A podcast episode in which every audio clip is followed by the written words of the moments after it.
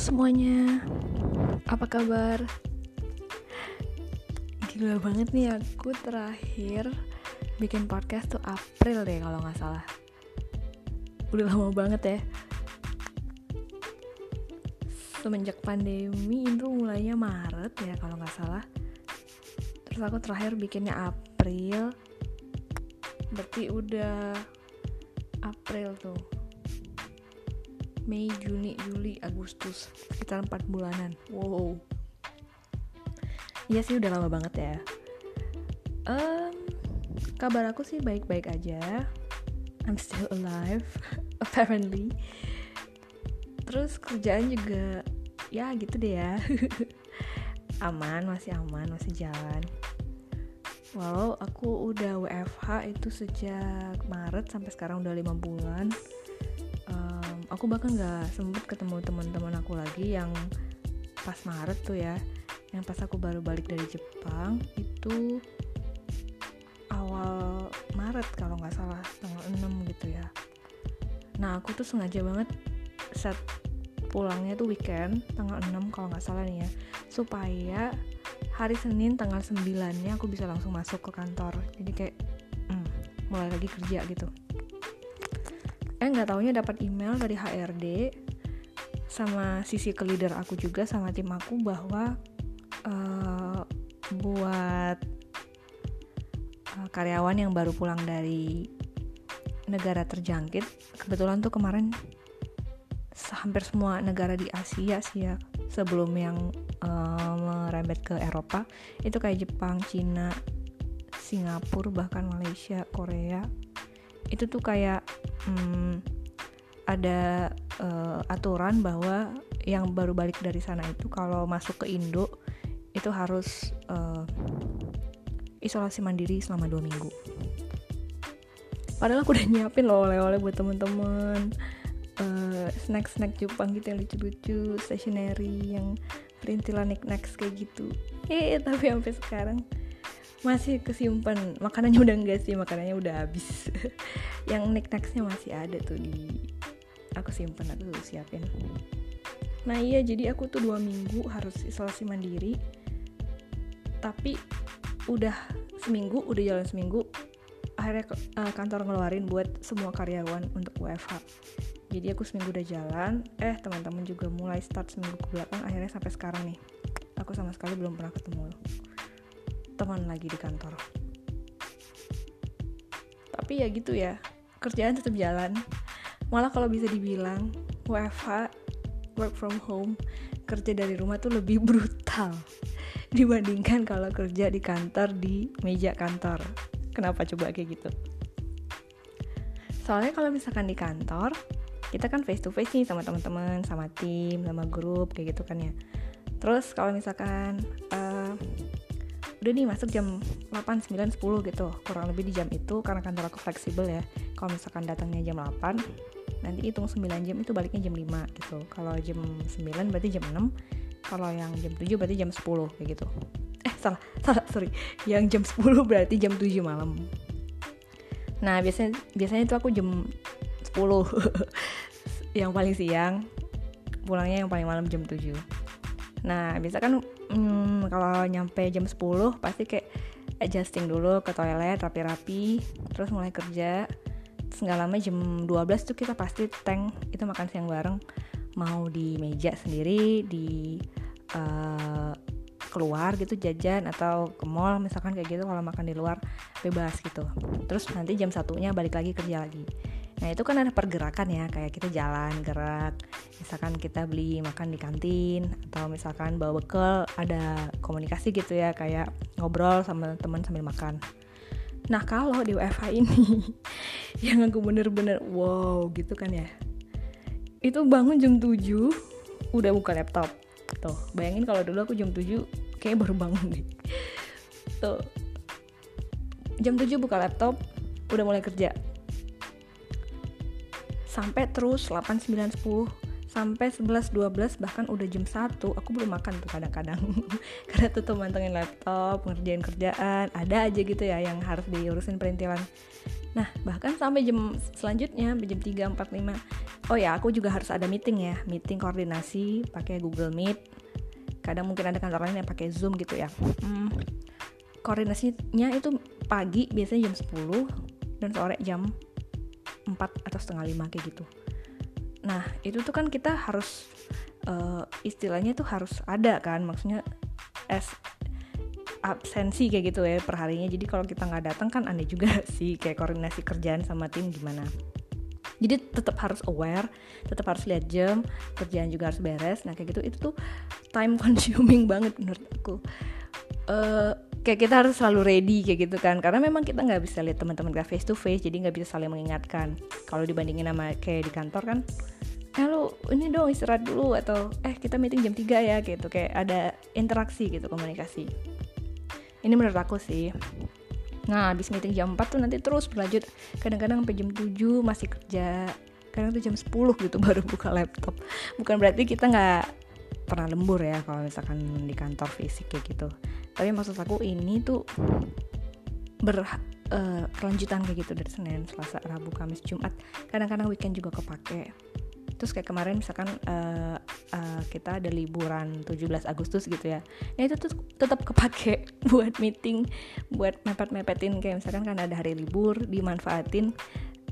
Kadang sih kayak uh, apa ya? Kayak tanda kutip gitu mem mem memanfaatkan libur misalkan kayak gitu. Emang sih ngerti bahwa itu mepet deadline dan segala macem.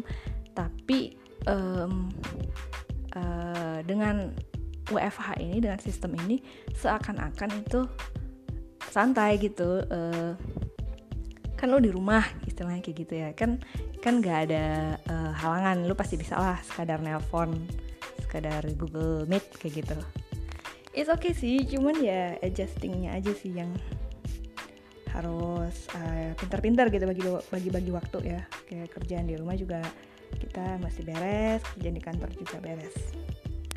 Oke okay, uh, eh, untuk tema kali ini aku mau ngambil um, apa yang aku rasain 4-5 bulan belakangan ini um, di tengah-tengah kondisi yang kayak gini aku mau ngobrolin soal menemukan diri di tengah pandemi.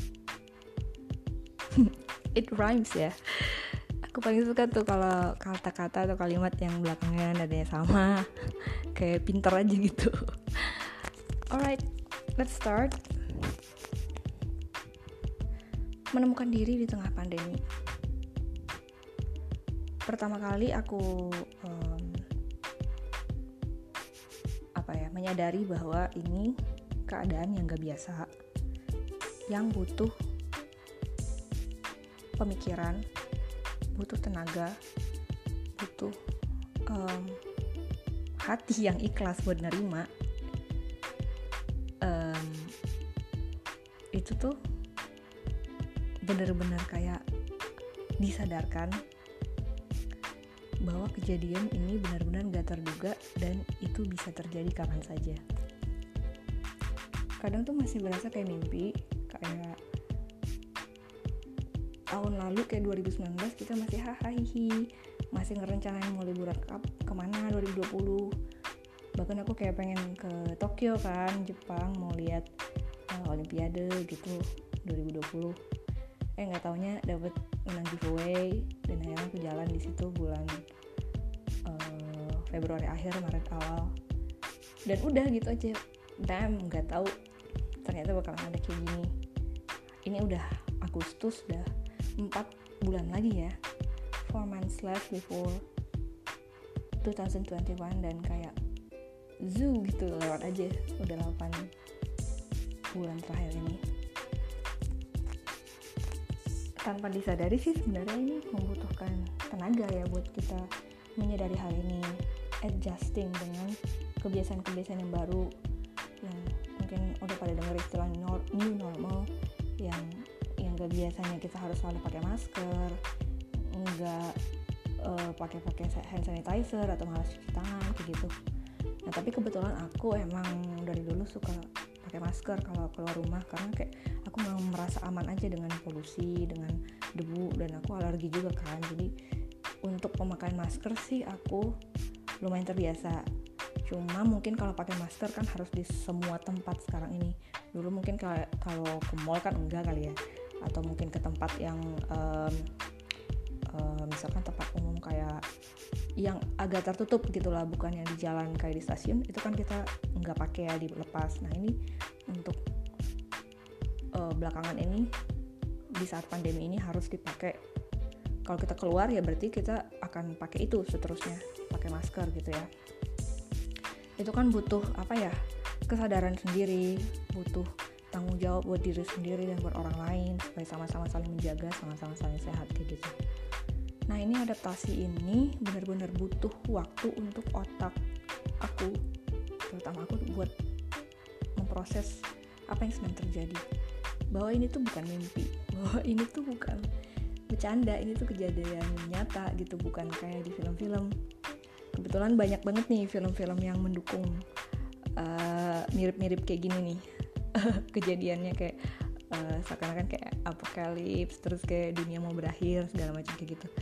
Aku terakhir tuh nonton yang uh, mirip-mirip gini mirip-mirip kejadian yang aneh-aneh lucu-lucu gitu uh, di Netflix yang Japan Sings ya Japan Sings 2020 menurut aku lucu di sini bukan maksudnya nggak menghargai segala proses perjuangan teman-teman medis ya. Tapi maksud aku ini di luar memang uh, wabah corona dan uh, pandemi yang terjadi ini tuh kayak beneran kayak mimpi kayak menyadarkan kita bahwa bisa loh ternyata kayak gini. Kayak nggak ada yang pernah berpikir bahwa 2020 bakalan seperti saat ini ya jadi kayak kita perlu sadar in the moment bahwa ini tuh terjadi dan nggak denial gitu loh nggak bilang bahwa ah virusnya enggak lah itu kebetulan aja orang kena nggak bisa kayak gitu ya kita harus sadar in the moment bahwa ini terjadi dan kita harus uh, update gitu ya ikut uh, dalam alur keadaan ini dan harus bisa adaptasi dan adjust dengan uh, sesuai kapasitas kita. Nah, menurut aku untuk di luar uh, virusnya sendiri, dampaknya buat kita-kita nih yang masih muda, yang pekerja, bahkan orang tua muda yang freelance begitu, kita sih dituntut untuk kerja sebisanya, semampunya gitu ya. Di luar um, keadaan yang banyak layoff, banyak teman-teman yang harus dikurangin gaji atau allowance-nya dan aku sendiri ngalamin dan itu lumayan ngaruh ya. Nggak bisa maksain juga buat kantor atau perusahaan untuk tetap on track karena emang e, mau tidak mau emang keadaan ini tuh ngaruh ke pemasukan kantor. Dan ketika teman-teman mulai atau ada yang mengalami layoff dan pengurangan karyawan atau pemecatan seperti itu selain kita harus diperhadapkan dengan kondisi ini kita juga dipaksa uh, untuk mengalami keadaan yang kurang menyenangkan seperti ini. Dan kita tuh dituntut kreatif gitu loh gimana ya bilangnya. Kerja sebisanya semampunya kayak apa yang bisa kita lakukan untuk survive providing ourselves or family. Itu tuh kayak harus secepatnya gitu dilakukan. Sebenarnya ini takes time sih. Buat orang tuh ada yang um, langsung bisa untuk beradaptasi ada yang butuh waktu. Menurut aku sih uh, coba dibalikin ke diri kita sendiri aja. Uh, kapasitas orang beda-beda ada yang bisa cepet ada yang enggak.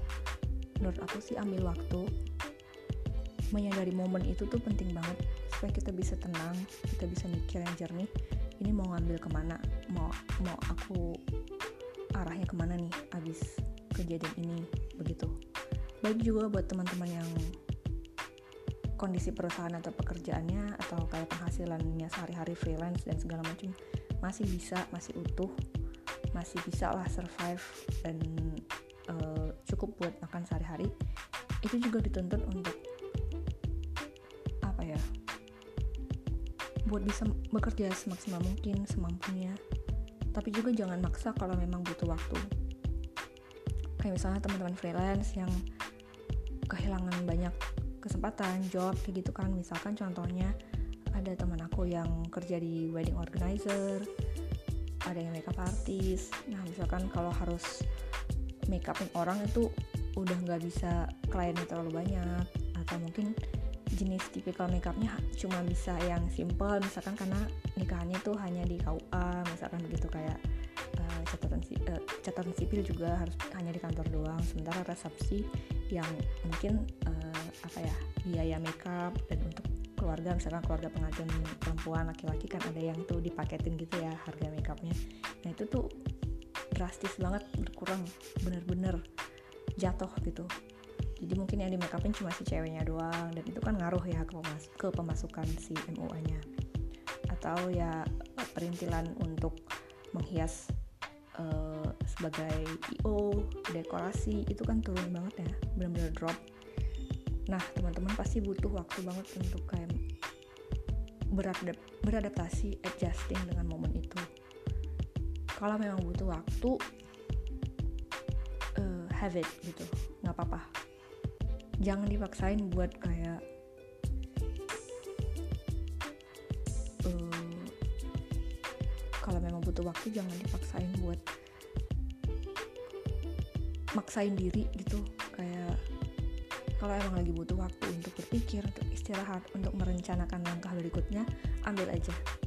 Mumpung memang ini waktunya kita untuk di rumah untuk berpikir untuk take time ourselves yang selama ini kita sibuk warawiri walau memang ini oh, bagi sebagian orang udah kelamaan ya udah kayak udah hampir setengah tahun stay begini tapi nggak apa-apa manfaatin waktu itu untuk kita mengenali diri menemukan diri ini aku mau apa setelah ini gitu.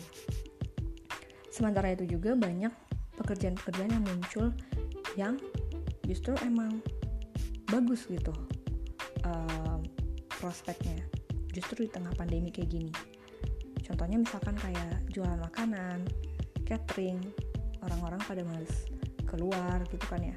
Terus di mall juga uh, restoran ada yang buka ada yang enggak kayak enggak 100% semuanya itu buka. Jadi teman-teman yang bikin catering bikin makanan itu lumayan gitu ya pemasukannya. Juga untuk internet untuk pulsa jualan pulsa itu jualan jualan uh, data paketan pulsa gitu tuh lumayan menjanjikan karena semua orang pakai handphone pakai smartphone butuh data butuh kuota butuh pulsa untuk bisa berkomunikasi untuk kerja.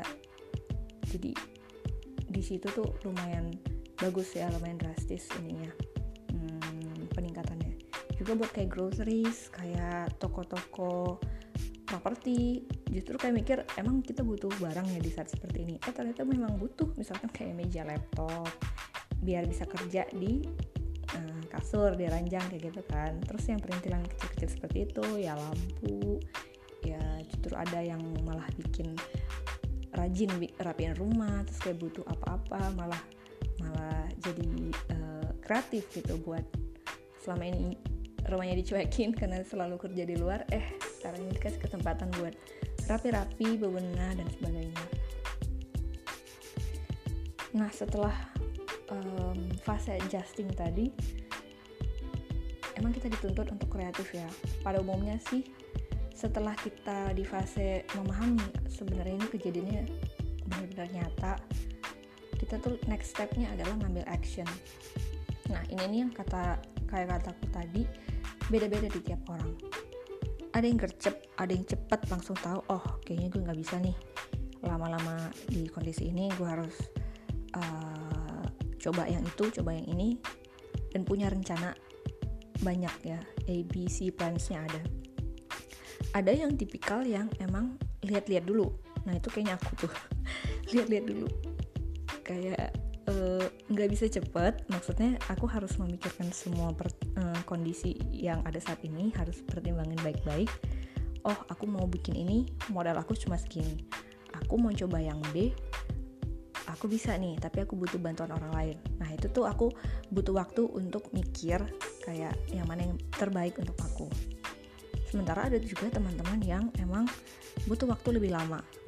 Dan ini tiga hal ini tiga tipikal ini nggak ada yang benar nggak ada yang salah ya. Maksudnya semua itu adalah balik ke diri sendiri. Nggak bisa dibilang yang gercep itu paling benar nggak juga gitu. Atau yang paling lama itu salah lu lama banget nggak bisa juga. Karena kan kapasitasnya balik ke diri masing-masing. Kalau misalkan kita merasa siap kita merasa resource kita udah terkumpul kita merasa yakin kita bisa langsung maju. Nah menurut aku sih karena kita emang beda-beda dalam apa ya dalam ber, bertindak dalam kondisi kayak gini take your time aja. Itu sih. Kalau kita ambil waktu untuk memahami ini kita bisa menemukan diri kita di tengah pandemi ini. Kayak kita jadi bisa lebih fokus justru. Kalau aku pribadi kayak gitu. Aku jadi ada waktu misalkan pagi-pagi sebelum aku buka laptop misalkan aku bangun jam setengah tujuh atau jam enam. Nah iya aku justru jadi bangun lebih cepet loh dari saat kayak gini aku biasanya berdoa dulu pagi-pagi. Aku ada ambil devotional time. Aku benar-benar ambil waktu hening untuk diri aku sendiri mikir dan berdoa. Dan kayak ngejembrengin visualize visualize uh, rencana dan harapan aku. Aku tulis di jurnal aku bahwa kondisinya seperti ini aku inginnya misalkan aku mau coba proyek ini mau coba uh, bikin ini bikin itu dan aku jabarin gitu di tulisan itu bahwa yang aku butuhkan ini yang aku punya sekarang ini yang harus ada untuk mendukung itu ini kayak gitu. Terus ya banyak-banyak berdoa juga sih. Banyak-banyak berdoa banyak-banyak minta hikmat dan uh, kebijaksanaan dari Tuhan untuk kita bisa melangkah. Karena kan benar-benar kita clueless ya benar-benar nggak tahu tapi aku sih pribadi percaya bahwa Tuhan itu provides sesuai kebutuhan kita gitu. Jadi kita kayak bergantungnya itu kepada Tuhan tapi pun selain berdoa kita juga bekerja. Kita berusaha semaksimal mungkin. So ya yeah, aku pikir take your time because you have plenty.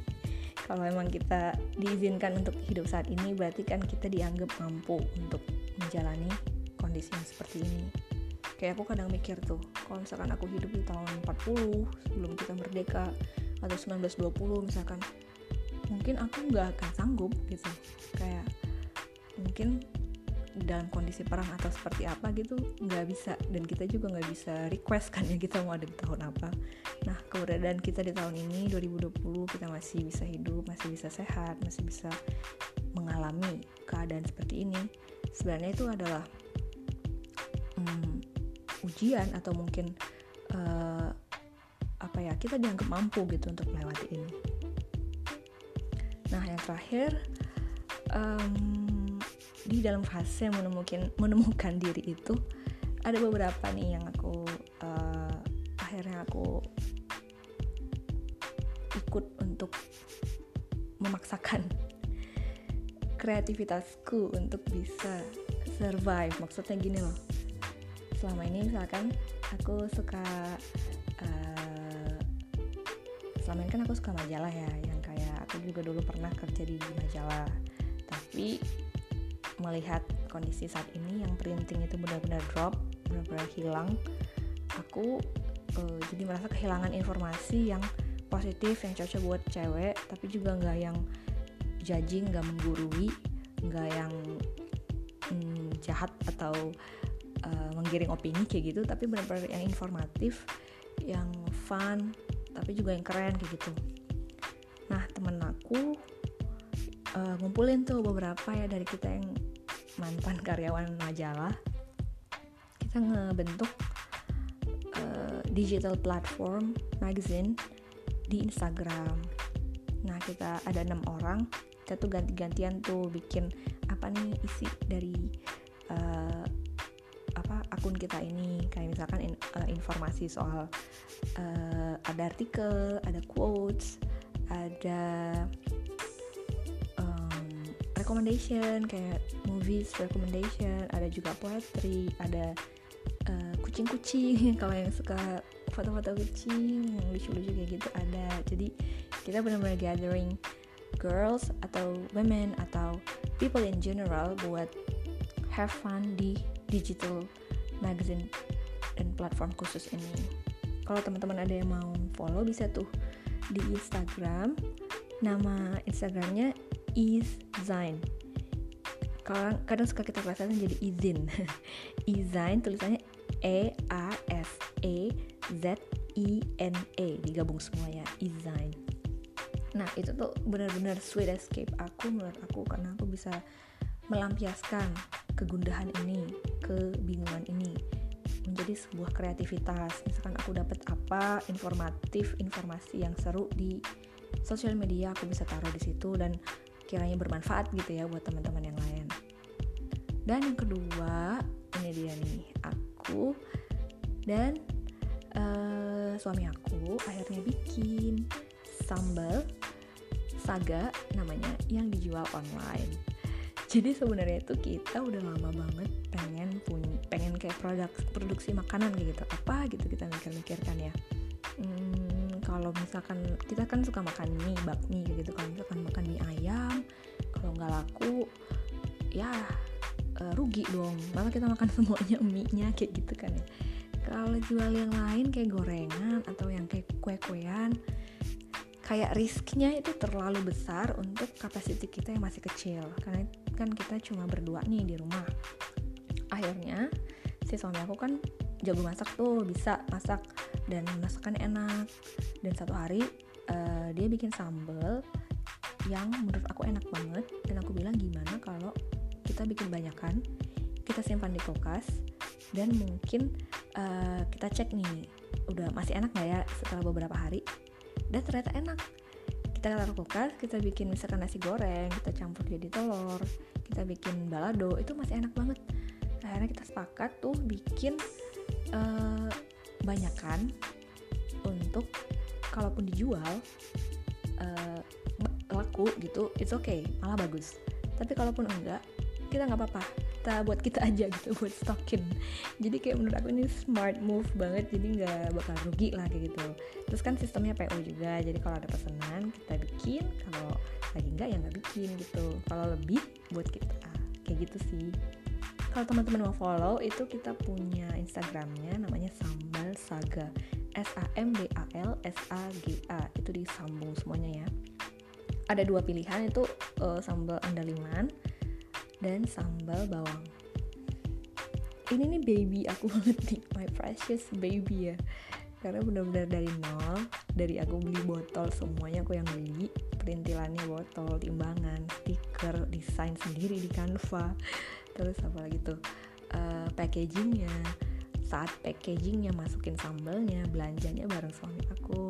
Belanja ke pasar beli cabai bawang. Apalagi ya? Garam uh, andalimannya yang agak sulit dan mahal.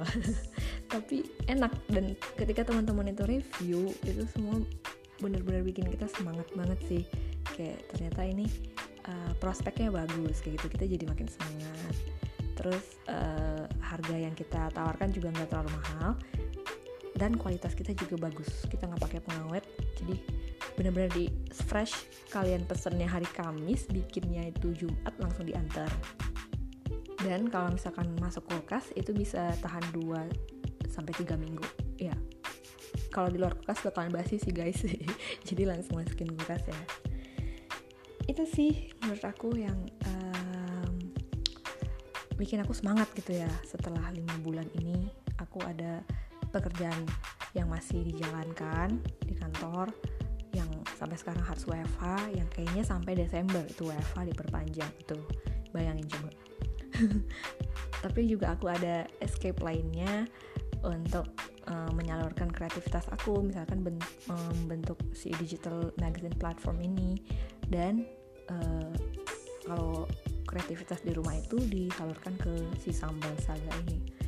Jadi kalau kalian saat ini masih di tahap menyadarkan diri bahwa ini terjadi benar-benar uh, menurut aku nggak apa-apa take your time tapi pun setelah itu harus uh, make action apakah kalian akan membuat satu project atau memulai pekerjaan baru atau apply apply uh, simple jobs kayak gitu nggak apa-apa. Semua itu bisa asal kita mencoba. So right it's 30 minutes. Right now aku udahin dulu. Kayaknya uh, ngobrol-ngobrol di podcast ini yang udah empat bulan gak diupdate ini karena sibuk. So yeah thank you so much for listening. See you guys around. Bye bye